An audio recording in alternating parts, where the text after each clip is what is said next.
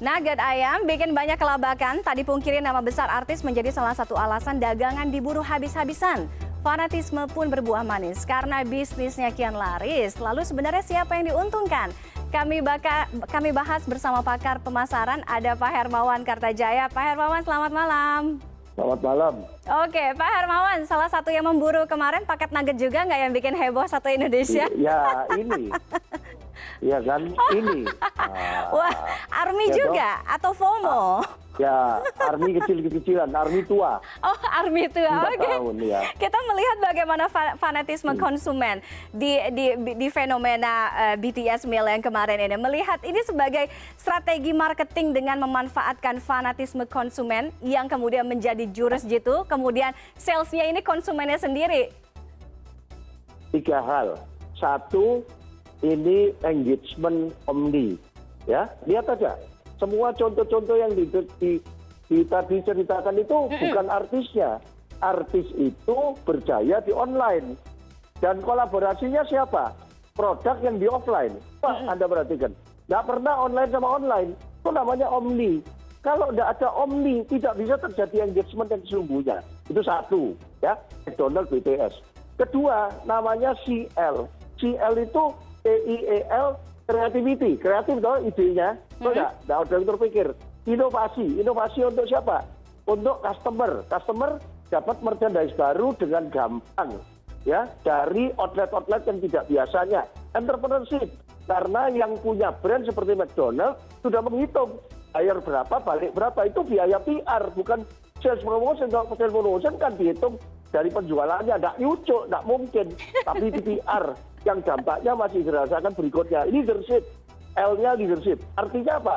Sebagai pemimpin pasar McDonald kan pemimpin pasar. Hmm. atau seperti Adidas tadi saya tidak tahu apakah market leader atau top leader.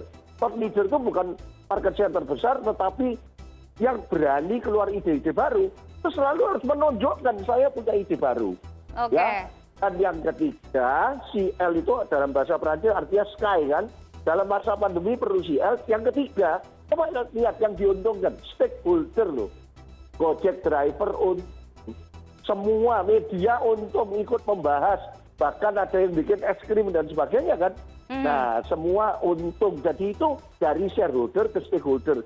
Jadi bagus sekali. Cuma ini di luar yang kluster-kluster ini ya. nah. Oke, berarti kalau misalnya intinya gini, semua ikut kecipratan ya. Tadi Pak Hermawan sampaikan. Tapi siapa yang paling banyak diuntungkan dari kolaborasi antara brand, produk dengan artis, ya kan? Dan yang ini menjadikan siapa produknya nih? Ya brandnya tetap.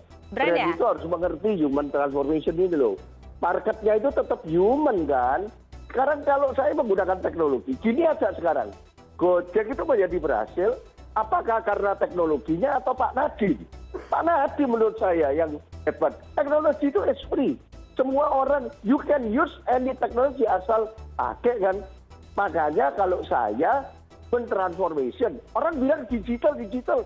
Nah digital itu semua pakai. Betul enggak mm -hmm. tapi ternyata tidak semua bisa menggunakan digital yang tersedia internetnya ada kan sosial medianya ada. Tapi kenapa kok tidak semua jadi content creator? Yang bisa create content apa? Human human. Jangan lupa human transformation not only digital transformation. Artisnya juga gitu. Hmm. Travis Scott. Itu kan juga apakah cuma teknologinya? Iya yang bisa membuat kreasi bersama komposernya membuat sesuatu yang kira-kira customer itu sebagai human ini akan menyentuh nah, okay. jadi teknologi cuan tapi balik lagi humanity. Jadi ini masalah humanity Oke, okay. berarti kalau kalau ditanya gini, uh, apakah kolaborasi dengan dengan selebritas gitu ya, dengan embel-embel selebritas atau X atau in collaboration dengan siapa gitu, akankah selalu berbuah manis? Atau harus, mungkin pertanyaannya harus begini, collab. Uh, harus collab, kan oke? Okay gaya entrepreneur entrepreneur itu tiga risk taking atau opportunity collab jangan mau melakukan sendiri bisa melakukan sendiri ya collab itu harus pak collab sama siapa kalau kita brand kecil ngajak collab sama yang gede. Yang gede mikir-mikir, nggak mau. Jadi kita mesti memperkuat diri dulu, baru bisa gampang collab dengan sama-sama gede. Betul nggak? Mhm. Oke, Pak Hermawan, eh, strategi marketing ini kan juga harus harus dipikirkan eh, dari sisi atau dari pihak manajemen artis ya. Ketika se- seorang artis atau band atau pokoknya selebritas lah ya, dia dia in collaboration atau menjadi brand ambassador atau digait dengan beberapa produk Ah. yang semuanya beda-beda nih, gitu.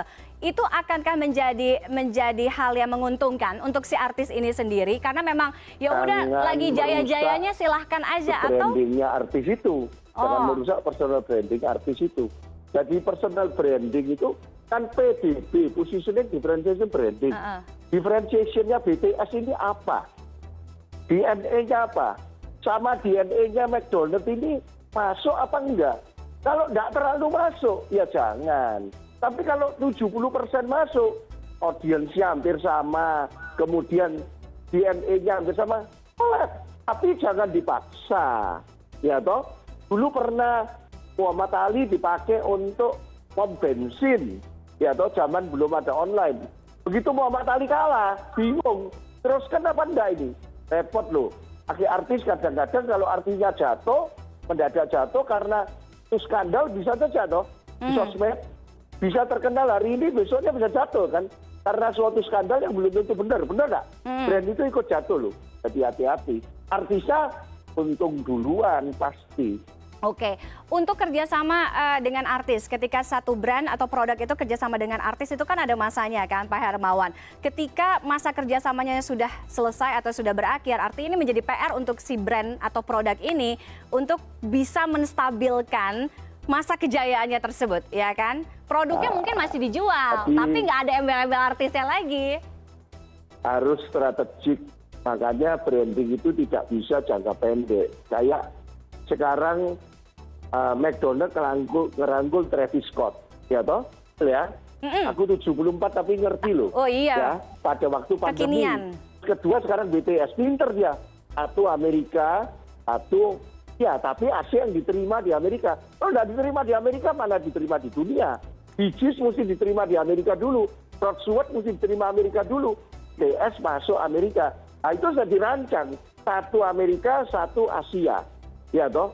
Nah kedua masanya berapa sama Travis Scott? Masanya berapa? Dan ini kan dampaknya bukan sales promotion toh tapi dampaknya mesti PR kalau sales promotion biaya yang keluar tertutup biasanya oleh hasil yang ha- yang masuk. Tetapi kalau PR harus dihitung pengaruh brand itu ke berikutnya apa dan pengaruh PR-nya.